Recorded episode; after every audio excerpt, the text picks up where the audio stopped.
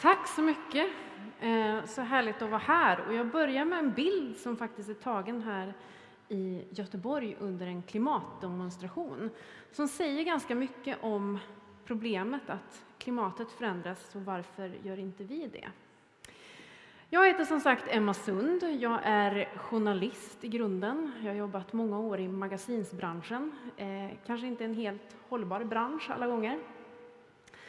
Eh, numera så jobbar jag med omställning och klimat och återbruk. Eh, jag bor på den värmländska landsbygden sedan två år tillbaka. Eh, efter 18 år i Stockholm så återvände jag hem till landet. Och nu njuter jag av att bo i Karlstad som är en av Sveriges bästa cykelstäder som har ett bilfritt centrum och eh, många återbruksinitiativ. Sånt som man uppskattar när man jobbar med klimat. Jag driver också kanaler i, i sociala medier och driver en podd som heter Plan B-podden som handlar om framtiden. Det där göttiga som vi ska längta efter, livet efter omställningen. Vad finns det för vinningar förutom den moraliska vinningen såklart?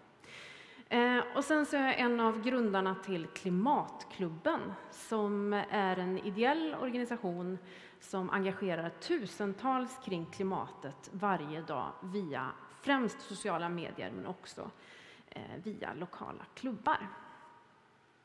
Jag ska börja med att prata lite om Klimatklubben, för den startades inför förra valet, eh, eller efter förra valet egentligen, när vi väntade på en ny regering.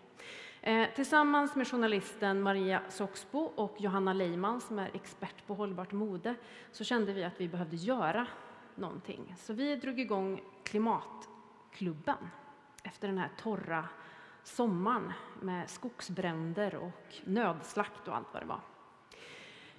Klimatklubbens mission är att ta in klimatfrågan i strålkastarljuset, skapa opinion via sociala medier och minska avståndet mellan medborgare och beslutsfattare. Till exempel så har vi haft eh, utfrågningar av politiker där vi ställer frågorna som våra följare faktiskt har ställt. Ehm, och man kan säga att Klimatklubben är en form av engagemangsgenerator. Vi genererar engagemang. Ehm, vi, finns i, ehm, vi har en stor Facebookgrupp där man kan diskutera klimatfrågan eh, och miljöfrågan och helt enkelt utbyta idéer. Det som kanske funkar i Mölndal kanske går att kopiera av Karlstad exempelvis. Man har goda initiativ så man slipper uppfinna hjulet. Vi uppmanar folk till att copy with pride. För vi har inte så gott om tid på oss när det gäller klimat. Eh, och Klimatklubben handlar ju också om att bli en kritisk massa. Man kan känna sig lite ensam eh, när man kanske tänker på klimatet, men hela samhället känns väldigt ohållbart. Och då är det skönt att ha eh, en hel massa tusen bakom sig i ryggen. Vi har 36 000 följare eh, på Instagram och 23 000 i vår Facebookgrupp.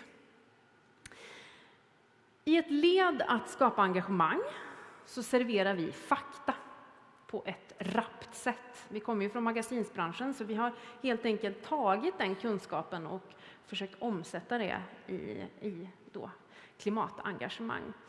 Ehm, som här, här finns det en bild som förklarar en hel del knasighet som pågår. Vi har ju eh, de här COP-mötena, FNs klimatmöten. Och den största delegationen på FNs klimatmöten är fossilindustrin. Inte undra på att det går lite segt, eller hur?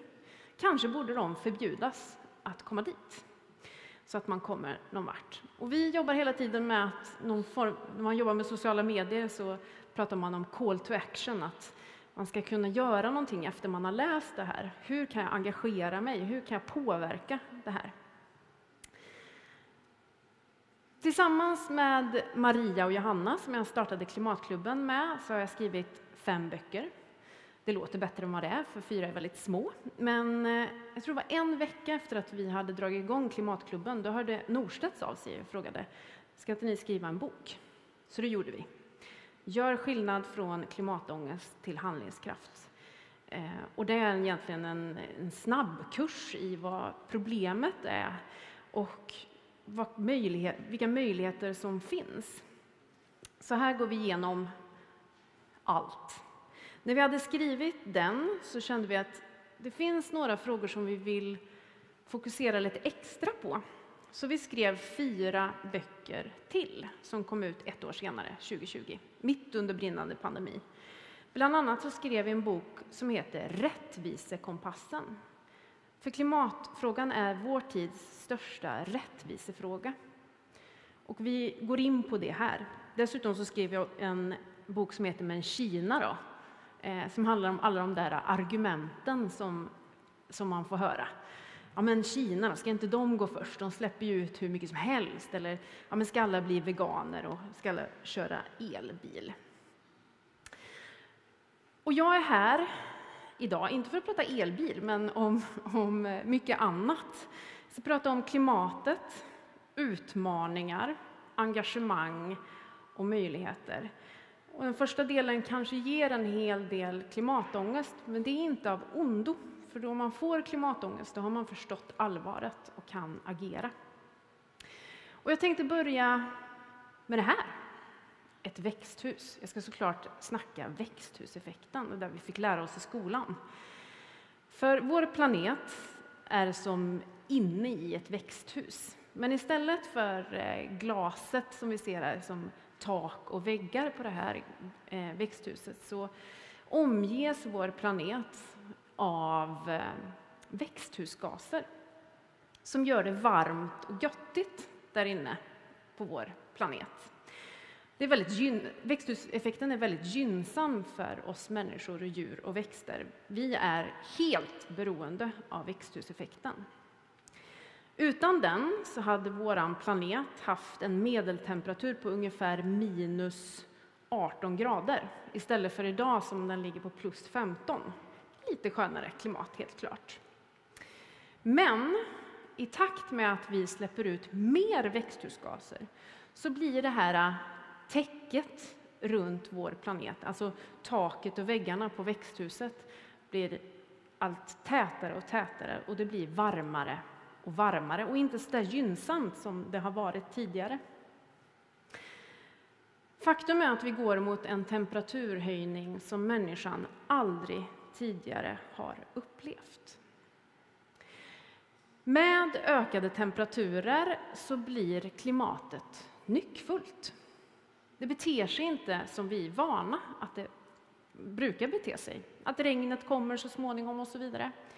Utan torrare områden blir torrare och blötare områden blir blötare. Vi har å ena sidan då de torra områdena där det finns risk för mer skogsbränder, torka som gör det svårt att odla mat, brist på dricksvatten exempelvis, värmeböljor. Och sen så har vi då den blötare delen där vi eh, riskerar höjda havsnivåer, skyfall, också brist på dricksvatten. Och det är väldigt svårt att odla när det kommer för mycket vatten. Förutom att klimatförändringarna sätter människor i en väldigt dålig sits, det är svårt att få tag i mat och dricksvatten, så är klimatförändringarna extremt kostsamma för vårt samhälle. Det finns också ytterligare en risk och det är att med stigande temperaturer så riskerar vi att nå så kallade tipping points eller dominoeffekter. Och ett exempel på det, det kan vi ju se här, att den blå mörka ytan, eh, vi har blå mörk yta och nu syns det inte för att det är eh, lite eh, moln och sånt, men eh, vi har en vit yta som är istäcken. I takt med att temperaturen stiger så blir de här istäckena eh, mindre, de här reflekterande vita istäckena. Och den mörka delen eh, av jorden blir eh, större. Och mörka ytor absorberar värme.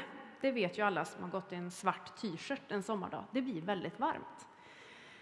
Och vad händer då? Den mörka ytan blir ännu, Eh, breder ut sig ännu mer. vilket gör att havet värms upp och så helt plötsligt så är vi inne i en, i en, ehm, eh, ja, en dominoeffekt som vi absolut inte vill hamna i. Når vi den här typen av tipping points så är klimatet utom mänsklig kontroll. Temperaturökningen fortsätter oavsett vad vi människor gör. Så där vill vi inte hamna. Så här ligger det till. Du och jag och resten av mänskligheten står inför enorma utmaningar. Vi befinner oss inte bara i en klimatkris utan också en artkris. Det sjätte massutdöendet av arter. Arter dör i en rasande takt. Och vi ser effekterna av klimatförändringarna allt tydligare. I somras så såg vi värmeböljor i södra Europa, eh, torka i Storbritannien och Frankrike, skogsbränder i USA och översvämningar i Pakistan. Det är svårt att odla när vädret blir så där nyckfullt, eller hur? Och det är ju bara att titta i grönsaksdisken på vårt ICA för att förstå att även vi kommer att drabbas, även om inte vi kommer att drabbas lika hårt som i andra länder. Tittar man i grönsaksdisken så ser man att eh, det mesta av eh, det som finns där är importerat. Faktum är att varannan tugga som vi stoppar i oss är importerad. Och när, eh, vad händer då när odlingsmark drabbas av torka eller översvämning? Det blir väldigt svårt att få mat. I östra Afrika beräknas en människa dö var 48 sekund. Var 48 sekund dör en människa i östra Afrika beroende på världsläget men också att de upplever den värsta torkan på 40 år. Och den här tragiska utvecklingen breder ut sig allt mer och kommer också närmare oss. De klimatförändringarna som vi ser idag, de kan vi inte backa ifrån. De är här för att stanna. Vårt mission, vårt uppdrag blir att inte göra det värre än vad det redan är. Vi måste såklart sänka utsläppen och göra det nu. Klimatkrisen som jag var inne på är vår tids största rättvisefråga. För de som drabbas först och värst, det är de som är mest oskyldiga. De som inte har släppt ut en massa växthusgaser och bidragit till det här tjocka täcket. Ehm, och de som drabbas först och värst är framför allt människor i fattiga länder och då kvinnor och barn. Man har ringat in unga mödrar eh, som en extra sårbar grupp. Varför ligger det till så? Då? Ja, men de har minst ekonomiska medel att ta till när bristen på de mest basala sakerna som dricksvatten, mat, tak över huvudet blir verklighet. De är minst rustade. 143 miljoner människor kommer vara på flykt undan klimatkrisen år 2050. 143 miljoner människor. Det är mitt barn där på bilden. Då är hon ungefär lika gammal som jag är nu. Att vi ser klimatflyktingar ser vi redan idag, men det kommer att bli fler och fler. En annan aspekt av klimatfrågan är antalet vapen i omlopp när det råder brist på det mest basala som då dricksvatten, och mat och tak över huvudet. Syrienkriget och den arabiska våren har eh, exempelvis kopplats till en kedja av torka och ökade livsmedelspriser. Och eftersom vi är en globaliserad värld så påverkas vi och andra länder av vad som händer på andra sidan jordklotet. En torka i Australien påverkar andra länder exempelvis. Det som händer eh, när det sker saker i världen är att rika länder har möjlighet att lägga upp lager av till exempel livsmedel, så det slår inte lika hårt. Och vad tenderar rika länder också att göra? Stänga gränser. I Syrien så upplevde man mellan eh, 2005 och 2010 den värsta torkan på 500 år, vilket gav upphov till en enorm kris.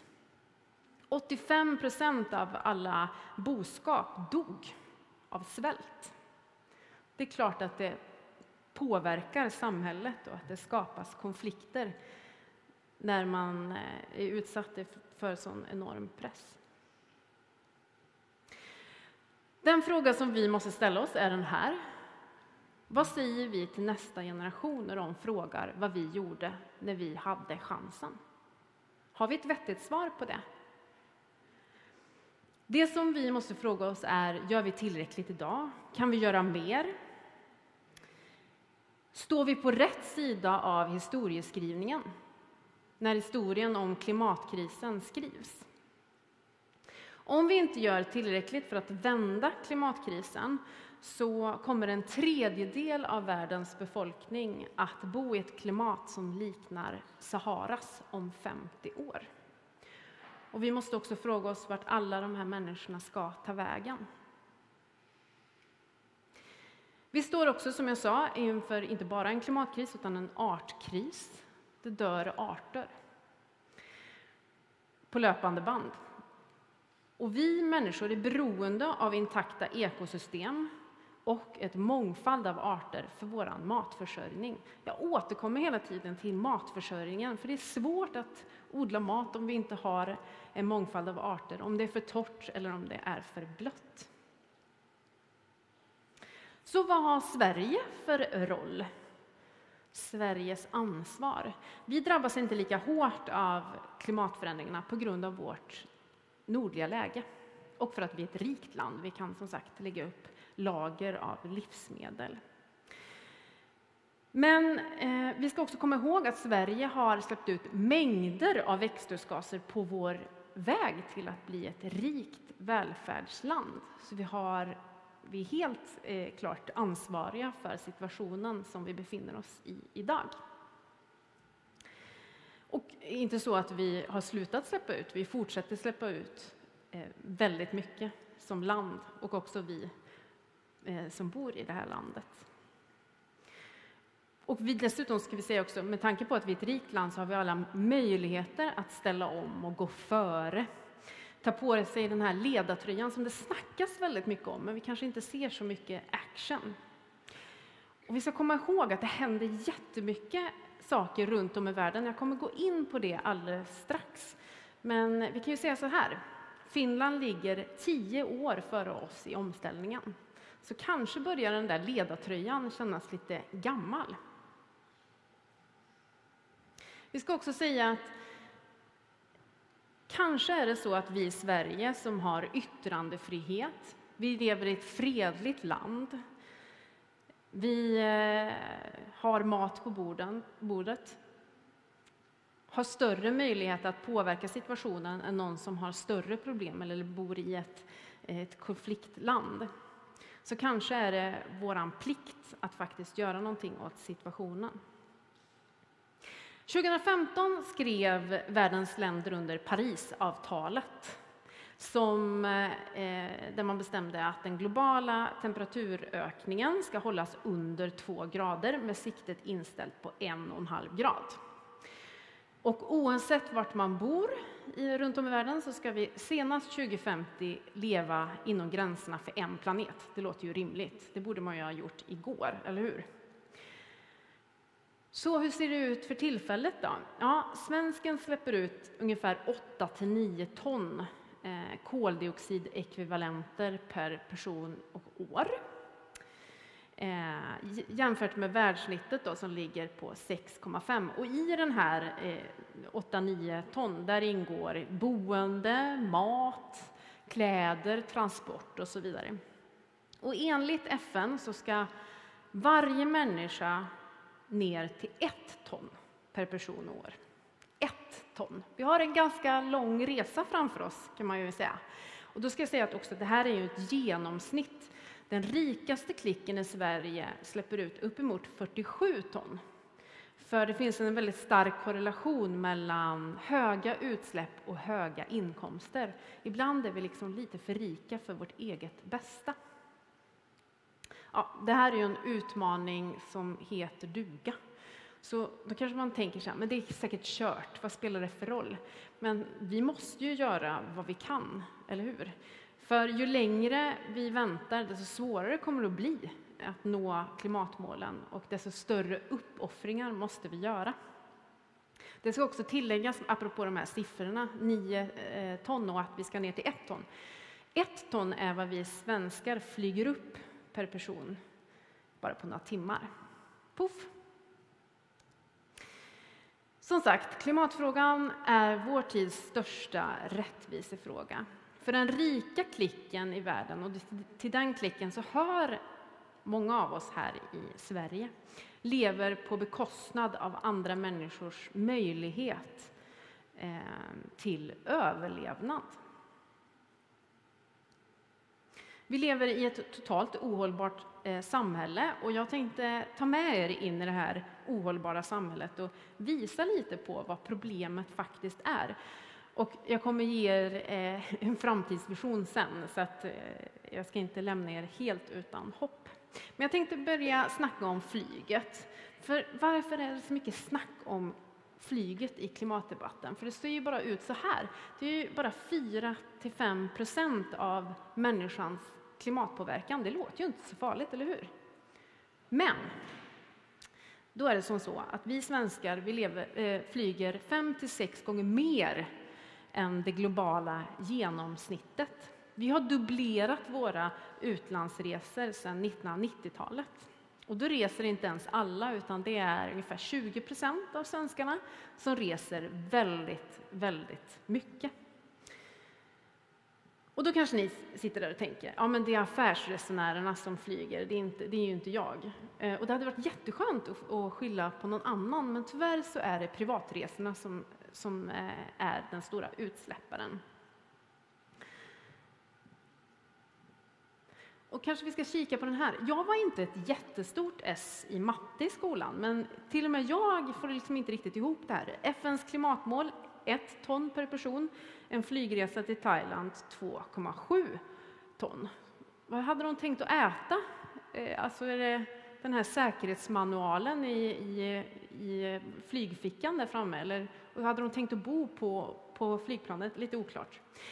Det som man pratar mycket om nu eh, särskilt om man eh, kommer från flygbranschen, det är ju biobränsle. Det ska rädda oss från allt och det låter ju toppen. Det hade varit jätteskönt. Tyvärr så är eh, inte biobränsle någon expressbiljett till eh, fortsatt flygande. Eh, idag så är eh, biobränsle en väldigt, väldigt liten inblandning och Eh, även om vi skulle byta ut allt flygbränsle i tanken till biobränsle till 2030 så skulle klimatpåverkan ungefär vara densamma som 2017. Inte en jättestor förändring med andra, andra ord. Klimatkompensation då? Det är också någonting man hör eh, mycket om. Du kan flyga till solen, inga problem, det är klimatkompenserat och klart. Och som en person i Klimatklubben som så fint beskrev det är klimatkompensation ungefär som att vara seriemördare och spermadonator samtidigt. Den tycker jag är en ganska eh, eh, bild, eh, tydlig bild. Det handlar ju om att man förstör massa här och sen så försöker man plåstra om det sen. Och det låter lite som att man Eh, när man flyger eh, så är det som en gigantisk koldioxidsug som tar upp utsläppen i samma sekund som de görs. Och riktigt så är det inte, även om det hade varit främt. Det handlar om att man kanske planterar ett träd någonstans som ska då kompensera för de här enorma utsläppen. Eh, det funkar eh, sådär om man ser då på det här eh, lilla eh, ganska skarpa deadlinen vi har eh, med att sänka utsläppen snabbt. Men det är inte bara flyget som släpper ut. Bilen går bra, eller? Bilen går väldigt, väldigt bra. Eh, den går kanske också lite för ofta i vårt land. I tätort så är 80 procent av alla resor mellan 3 och 4 kilometer långa. Det tar, vad kan det ta, 10 minuter att cykla.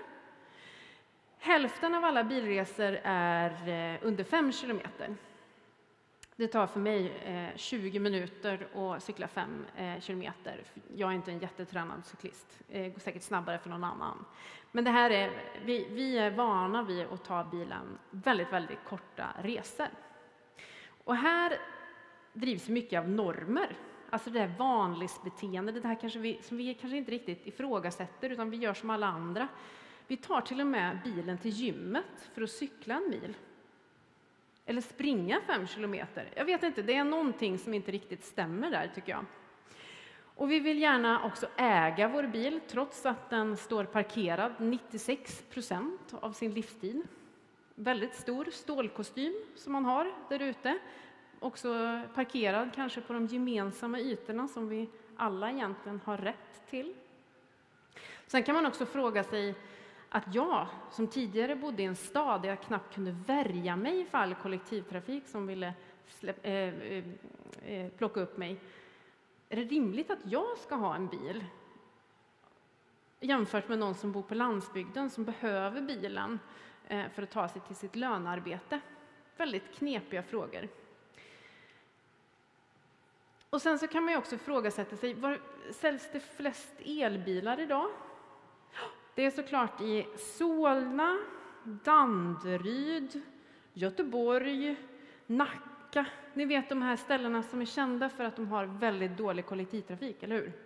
Det är någonting som har blivit lite galet. Så här ser det ut.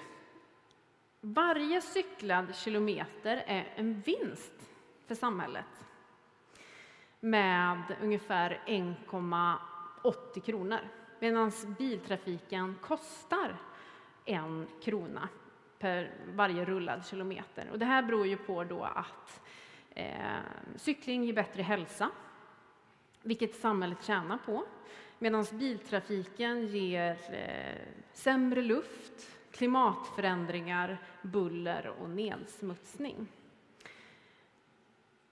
Men eh, från transport till något smarrigare, nämligen mat. Kan vi äta oss ur klimatkrisen? Ja, skulle man kunna säga att vi kan göra. För maten, det är en ganska stor del av den här, de här utsläppen. vi ska såklart snacka kött. Utsläppen från köttindustrin eh, motsvarar utsläpp från alla världens bilar, bussar, båtar och flyg. Ganska mycket. Så på ett sätt så kan vi eh, äta oss ur klimatkrisen. Eh, så här ser det ut idag. Den genomsnittliga svensken äter, upp, eh, äter för 1,8 ton. Så får vi komma ihåg att vi ska alla ner till ett ton. Ehm, och inte ens vegetarianen kommer ner på hållbara nivåer. Den enda som har eh, råd med eh, kanske att bo och transportera sig är veganen idag. Och då ska jag också säga att det här bygger på eh, dagens siffror och hur vi äter. Det krävs fem gånger mer, eller fem gånger så mycket mark att laga mat åt genomsnittssvensken än eh, åt en vegan. Och det säger sig självt att det kanske är lite smartare att äta det man odlar istället för att processa det genom ett djur. En ganska stor, eller rejäl omväg. Varje svensk äter ungefär mellan 50 till 55 kilo kött per år. Och den siffran låg på ungefär 35 kilo på 1990-talet, så vi har verkligen köttat loss de senaste eh, åren. Så eh, måste vi sluta äta kött? Nej, det behöver vi inte göra. Enligt Eat Lancet-rapporten som kom 2019 så kan vi äta ungefär 14 gram kött per dag. Så kan man ju spara det om man vill ha en söndagsstek, eh, till exempel. Och vi kan halvera eh, vår köttkonsumtion utan att det skulle påverka de svenska köttbönderna eftersom 46,5 procent av allt nötkött i Sverige idag är importerat. Ja då, är jag vegan eller vegetarian eller vad är jag? Jag är inget av det. Jag är en köttätare som i stort sett aldrig äter kött. Det är väldigt bekvämt kan jag säga. Kan man eh, äta upp barnens rester där hemma om de är sugna på en korv eller sånt där. En annan aspekt av eh, matfrågan det är det här med matsvinn. En tredjedel av all mat som produceras i världen idag slängs. Inte för att den är ful, eller inte för att den är giftig och inte för att den eh, smakar dåligt, utan oftast för att den är ful. Skönhetsfixeringen har letat sig ända in i matbranschen. Om vi minskade det egna svinnet i våra hushåll så skulle vi faktiskt kunna spara mellan 3 000 till 6 000 kronor per år. Så mycket slänger vi i våra hushåll.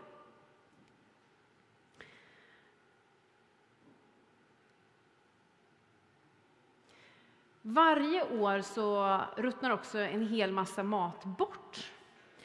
265 000 ton äpplen ruttnar bort i svenska villaträdgårdar. Samtidigt så landar 120 000 ton eh, importerade, eh, eller förlåt, eh, 120 000 ton eh, äpplen i butik, varav 75 procent är importerade. Och det här handlar ju lite om de här normerna, alltså vårt vanlighetsbeteende. Att det, vi är liksom eh, inprogrammerade att vi ska köpa frukten istället för att plocka det från trädet eller fråga någon om de har kanske ett träd som vi får plocka ifrån. Och som jag var inne på, varannan tugga är importerad. Och snacka om att gå eh, över bron eh, efter vatten. Våra samhällen är byggda för bilar, så ofta så måste vi ta bilen för att nå matbutiken. Där är vi också ett ett exempel på hur ohållbart vårt samhälle är. Och I vissa butiker så kan vi handla hur klimatsmart som helst och sen så får vi hem ett erbjudande att vi kan byta in alla våra matpoäng till en resa till Zanzibar. Vi puttas hela tiden in i ohållbara beteenden. Det här med mode då, eller kläder. Ehm, de flesta kläder som vi köper idag de är producerade i Asien där fabrikerna drivs av kolkraft. Världens vanligaste material är polyester som är gjort av råolja. Vi går omkring i de fossila bränslena samtidigt som vi pratar om att vi ska eh, fasa ut just dem. Den, den globala kläd, klädproduktionen dubblerades mellan år 2000 och 2014. Idag produceras 100 miljarder plagg. 100 miljarder plagg. Hur ser det ut i Sverige då? Vi köper ett nytt plagg i veckan. Nog för att lager på lager är liksom en återkommande trend, men jag menar 50 plagg kan bli lite varmt även i vårt nordliga klimat. Så hur handskas vi med de där plaggen sen då? När det gäller fast fashion så använder vi dem i snitt sju gånger innan vi gör oss av med plaggen. Sju gånger. Vi har också slutat att skilja på behov och begär.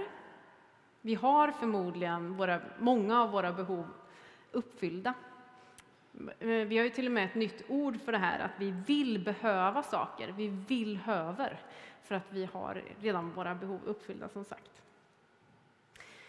Vi överkonsumerar å det grövsta. Om vi kikar på inredning. Myrorna får in 20 ton möbler och prylar om dagen. 20 eh, ton möbler och prylar om dagen får myrorna in. Stockholms Stadsmission får in 42 ton textil i veckan. Det finns sånt överflöd av saker i vårt samhälle och vi konsumerar allt snabbare eh, i jakten på nytt eller att följa trender. Vi har så mycket grejer att Sverige som land måste exportera bort 28 000 ton second hand eh, varje år, för vi hinner inte konsumera. Vi är så fullt upptagna med att konsumera nya grejer som ska in i den här centrifugen av prylar. Normen är att köpa nytt. Eh, och sen så när vi har tröttnat på det då, efter sju gånger så skänker vi vidare och vi känner oss så duktiga när vi gör det. Vi känner att vi gör liksom en samhällstjänst när vi har rensat ur våra garderober och sen så känner vi så här, här, nu har jag gjort något gott. Men den riktiga tjänsten är ju att faktiskt handla begagnat eller ta hand om det vi har, inte ösa in ytterligare saker i, i den här centrifugen. Och det är lite konstigt, vi är väldigt dåliga på att handla second hand i Sverige. Sämst i Europa, inte ett guld man vill ha kan man säga. Ehm, och det är lite konstigt att vi, att vi eh, inte handlar så mycket begagnat, för Sverige är, är väldigt kända för vår second hand av anledningen att sakerna knappt är använda. Oftast möts man av den här. Alltså jag tycker att det känns lite ohygieniskt att köpa någon annans gamla grejer. Då får vi hoppas att den personen aldrig har bott på hotell och sovit i lakan som hundratals andra har sovit i och förmodligen har gjort en hel del annat i också. Eller för all del eh, åkt taxi. Eller ätit på restaurang och använt bestick som tusentals kanske haft i munnen innan. Det här handlar ju såklart om normer. Och också är det ju så att nyproducerat Eh, nyproducerade saker och kläder ofta är paketerat i en flashig butik på Paradgatan. Medan vill man handla second hand eller hållbart, då slussas man ut i något industriområde som att man ska slutföra någon form av knarkdeal. Jag vet inte om det är så attraktivt. Tänk om det var tvärtom. Så varför håller vi på så här? Det låter ju knäppt att vi konsumerar som att det inte fanns någon morgondag, att myrorna får in 20 ton möbler och prylar. Vi slänger en tredjedel av eh, maten som produceras. Varför håller vi på så här? Det är såklart att vi har skapat ett samhälle där normen är att köpa nytt, att ta bilen till gymmet då, eller ta bilen överallt. Att resor är synonymt med att flyga. Att det är status kanske att ha flera boenden. Och eh, de här klimathaltande beteendena premieras också i mångt och mycket eftersom de är subventionerade, alltså att de kanske till och med är billigare. Vi har byggt ett samhälle som bygger på fossila bränslen där vi lockas av reklam som som uppmanar oss att köpa nytt eh, och uppdatera och hänga med och visa att vi är med i samhällsmatchen genom att eh, uppdatera eh, våra hem eller sätta vår egen prägel på ett kök. Det finns också en väldigt stark fossilindustri som motarbetar den här omställningen som vi behöver göra. Och som sagt så drivs vi av en hel massa normer. Sen ligger det också till så här, vi är flockdjur. Vi gör som alla andra. Vi känner oss nog som så unika fåglar, men faktum är att vi gör exakt som alla andra. Och det här är en av de starkaste krafterna i vårt samhälle. Köper grannen en helt ny eh, höstgarderob, ja men då vill vi också göra det. Drar eh, kompisen till Mallis på sommaren, men då vill vi såklart också göra det. Och å andra sidan, byter grannen till elbil, då vill vi också göra det. Börjar grannen cykla till jobbet, ja men då vill inte vi vara sämre. Börjar kompisen att eh, köpa en ny eh, smartphone från en renoveringssajt som Swappy till exempel, men då kanske vi tänker att ah, men vi kan nog också göra det. De här krafterna är bland det starkaste vi har i samhället. Och där har vi alla en roll. Vad är det vi själva förmedlar? Om man ser på pärlhalsbandet av utsläpp som kanske då finns efter att man har råkat inspirera någon att antingen flyga jättemycket eller att kanske hemestra eller ta tåget istället. Vi kan påverka, eller vi påverkar alla i vår närhet utan att vi kanske lägger märke till det. Vi vill tillhöra majoriteten. Det här är väldigt intressant när man pratar om skolmat till exempel. För ofta så finns det eh, då en stor bespisning av vanlig mat och så vill man eh, ha vegetariskt eller veganskt, då får man gå till liksom någon annanstans i lokalen där det serveras specialmat. Det här är viktigt att komma ihåg att vi vill tillhöra majoriteten. Tror ni att det är enkelt att gå till den här fåran av specialmat? Nej, såklart inte. Så återigen, varför håller vi på så här? Vi nördade ner i det här så mycket att vi skrev ett helt kapitel i Gör skillnad, den här boken, om beteende. Hur funkar våra hjärnor egentligen och varför liksom händer inte mer saker? Det finns något som heter kognitiv dissonans. Och det är när vi tänker att vi är en medveten människa. Vi har koll, vi läser tidningen, vi, vi har ju hört det här med att flyget exempelvis släpper ut en hel massa. Men så kanske det är så att pappsen fyller jämnt. Och vi ska ju ändå åka till Gran Canaria och vi vill så himla gärna följa med eh, på den här resan. Och då uppstår ett skav i vår hjärna. Vi får inte ihop bilden av oss själva. Vi är så himla medveten. Men den här handlingen, den är inte alls medveten.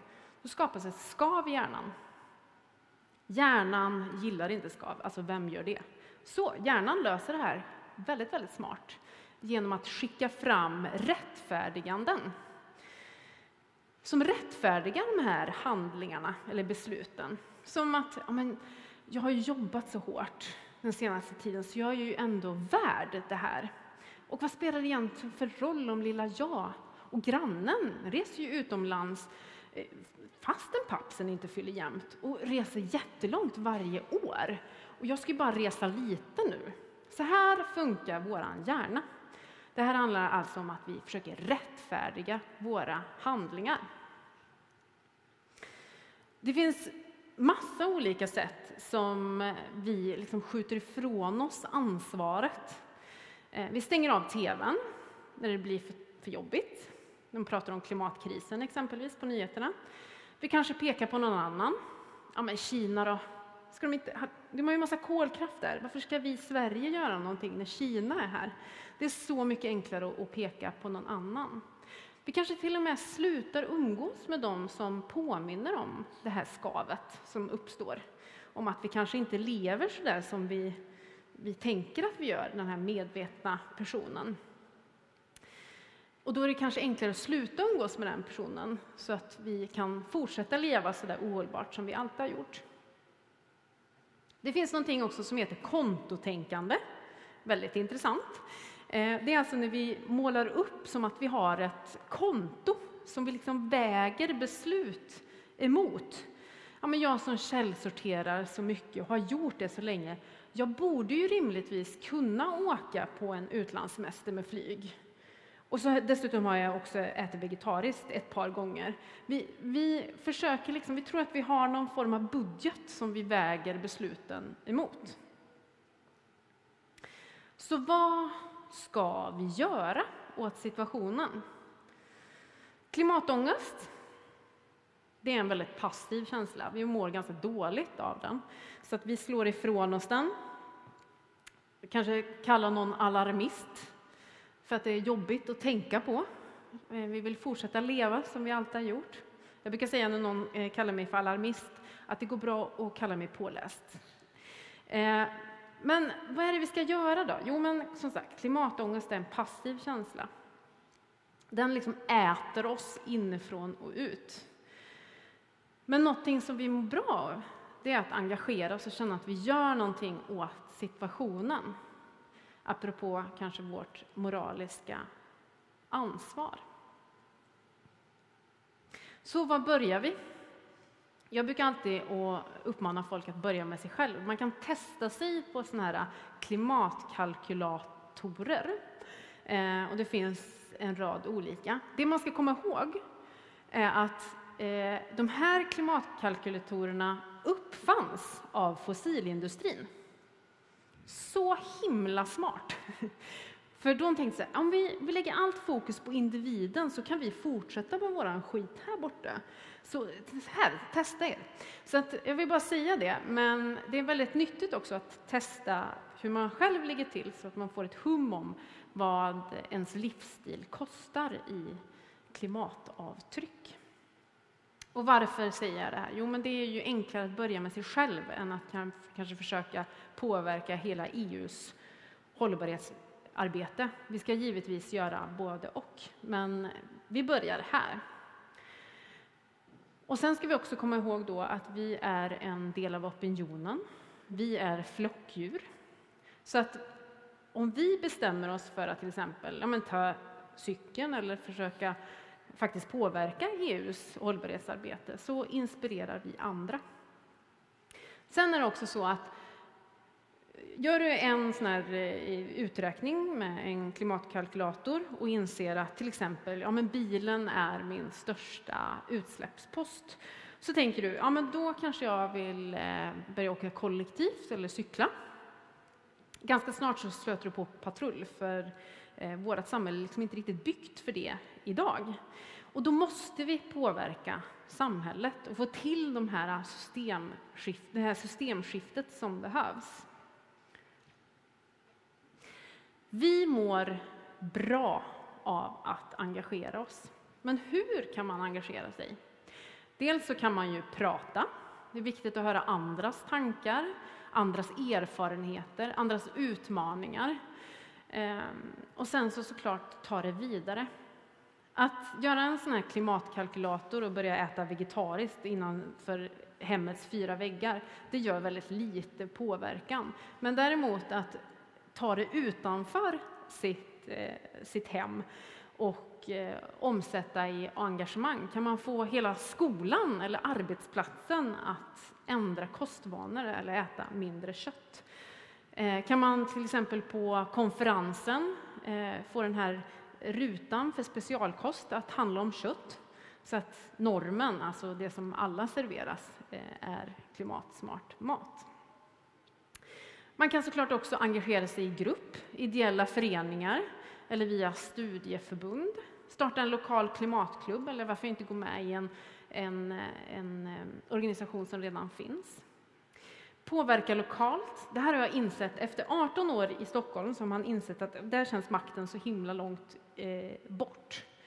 Ehm, flyttar man hem till Värmland så känns absolut eh, Sveriges makt känns väldigt långt bort. Men kommunen, jädrar vad de lyssnar på en. Eh, det är väldigt lätt att skapa ett samtal, påverka media, att också få ett, till ett möte med en politiker bara man tar ett första steg. Och är man fler så är det ju långt mycket enklare. Vi tänker ofta att vi är ensamma individer, men tillsammans är vi en väldigt stor grupp. Vi är en opinion som kan göra skillnad. Vi är också kunder och konsumenter. Vi kan använda vår makt på väldigt många olika sätt. Och sen ska det också till, eh, sägas att det krävs liksom inte att alla engagerar sig samtidigt, utan det krävs en kritisk massa för att få till en förändring. När det gällde kvinnlig rösträtt till exempel så var det ju inte alla som stod på barrikaderna utan en högljudd liten klick. Nu ska jag snacka lite framtid. Jag har några minuter kvar. Eh, och det handlar ju om att vi behöver snacka framtid. Vi behöver snacka om vad vi ska längta efter. Det här gör ju politiker väldigt lite, kan jag tycka. Utan de pratar oftast om vad vi ska försaka. Vi ska äta mindre kött, vi ska flyga mindre, vi ska konsumera mindre. Men vad ska vi göra istället? Vad ska vi se fram emot? Finns det ett vettigare fram, eller en vettigare samhälle att se fram emot? För den här samtiden som jag drog upp förut, den är ju inte så himla smart, eller hur? Rimligtvis borde det finnas en smartare lösning. Så jag ska ta med er på en liten rundresa runt det här, den här planeten och visa vad som händer runt om i världen. Så här är det ju. Bränslepriserna ökar. I Sverige fanns det ett förslag om att alla bilägare skulle få en liten pott med pengar. Hur har man löst det på andra ställen? Mitt favoritexempel är Österrike. Där har man infört ett kollektivtrafikspass. Det kostar ungefär lika mycket som eh, ett årskort i SL-trafiken i Stockholm.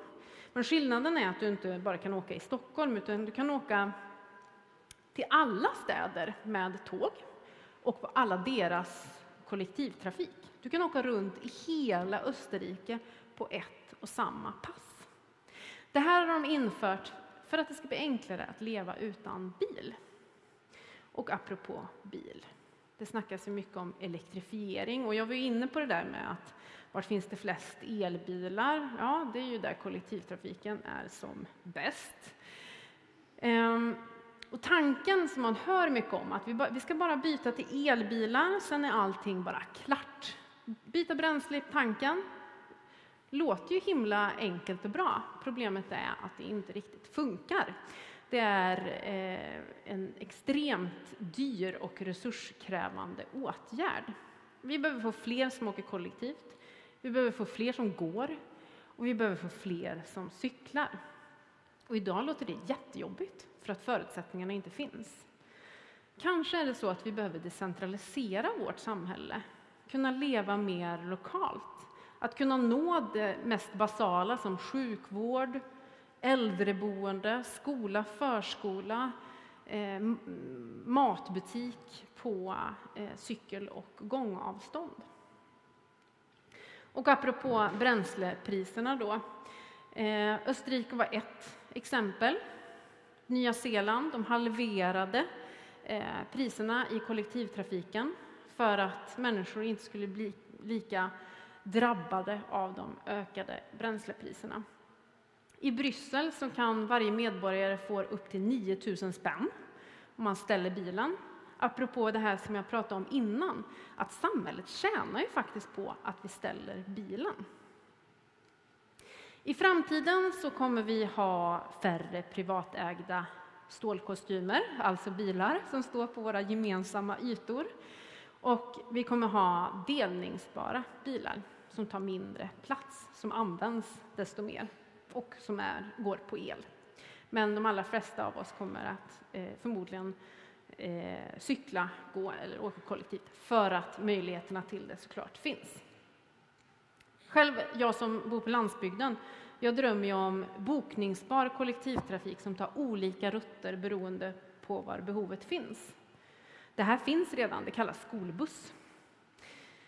Kanske är det dags för oss vuxna också att börja åka lite skolbuss. Det finns också eh, initiativ eh, med sån här bokningsbar kollektivtrafik.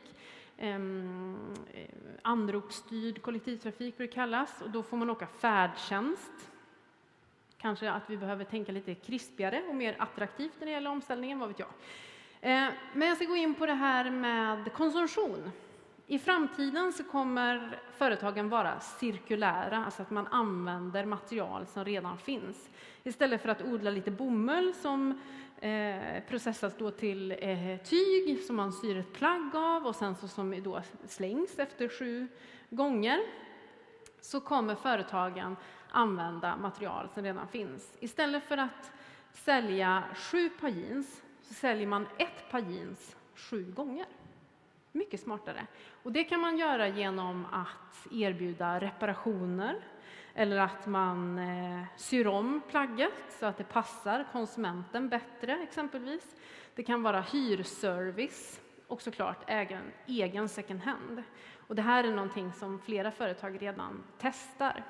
Exempel på det är Filippa K i Stockholm som har sin egen second hand där de säljer samma plagg om och om igen. Vi kommer inte konsumera lika mycket i framtiden, men vi kommer garanterat konsumera smartare.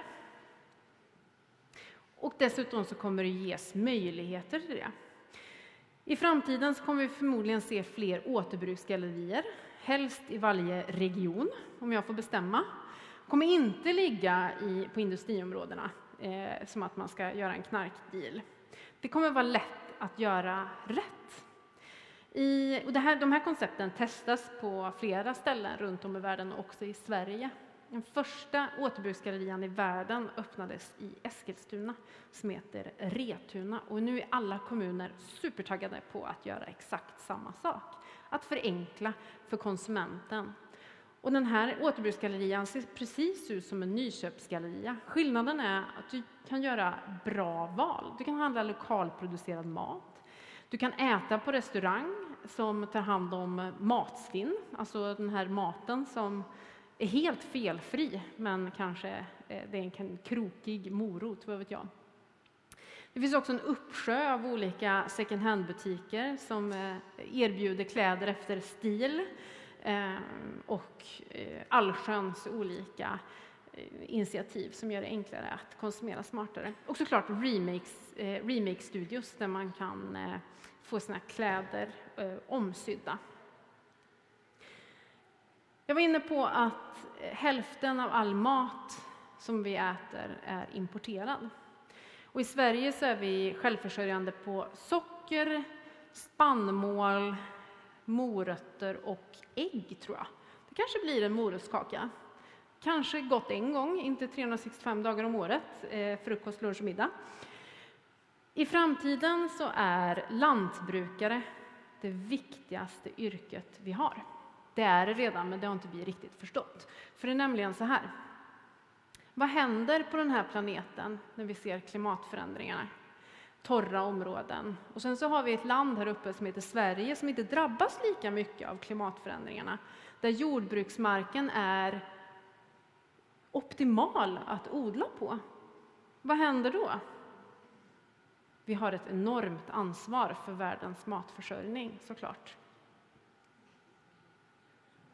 I framtiden så kommer vi då odla överallt, för det är vår plikt att göra det. Vi kommer eh, förmodligen ha odlingar i skola, gemensamma växthus.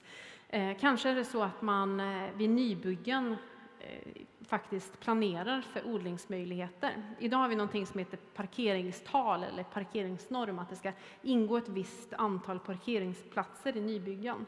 Kanske att vi har odlingstal eller odlingsnorm i framtiden. Så att alla, med, alla har möjlighet att odla sin egen mat. Väldigt aktuellt med tanke på att matpriserna ökar. Det bubblar av spännande initiativ runt om i världen.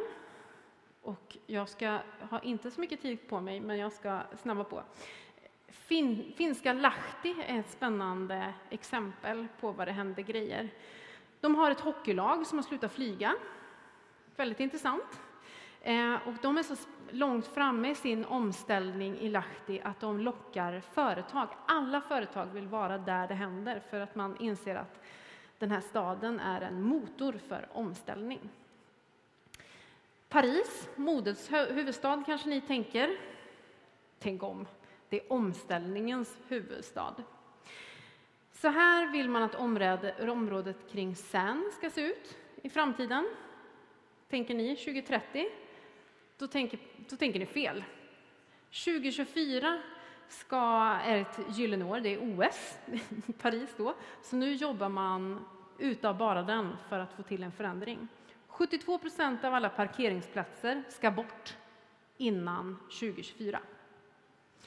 Och det här gör man för att Staden ska vara till för människor och gå i människans takt.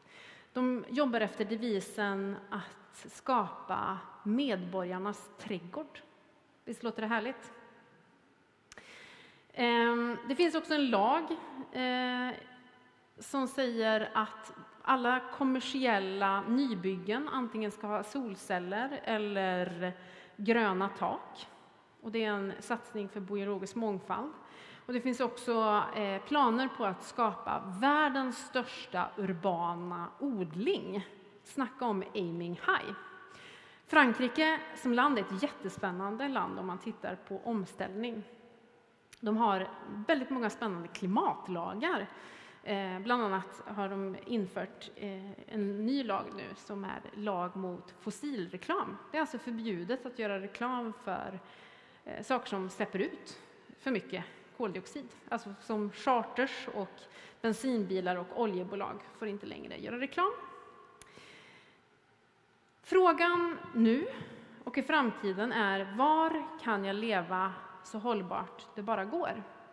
Vilken kommun tar klimatkrisen och artkrisen på allvar? Var får jag möjligheten att sänka mina personliga utsläpp? Alltså apropå den här bokningsbara kollektivtrafiken exempelvis. Var decentraliserar man så att jag har nära till allt? Var finns det frisk luft, fossilfria sjöar, grym kollektivtrafik och eh, biologisk mångfald och kanske även lokal energiförsörjning? Lösningen det är ju såklart att efterfråga framtiden. Alla de här exemplen på vad som händer i andra länder, kan de så kan vi. Är Finland tio år före oss i omställningen? Det måste vi ändra på, eller hur? Vi måste ju ta på oss den där ledartröjan som vi så fint har pratat om, såklart. Så att min uppmaning är att engagera sig, att gå samman och också efterfråga framtiden. Och göra, det är ju en enorm konkurrenskraft, inte minst om man ser till kommuner. Att hitta nya eh, medborgare som kan betala skatt. Ja, som sagt, eh, om inte du, så vem? Apropå vårt ansvar och våra möjligheter.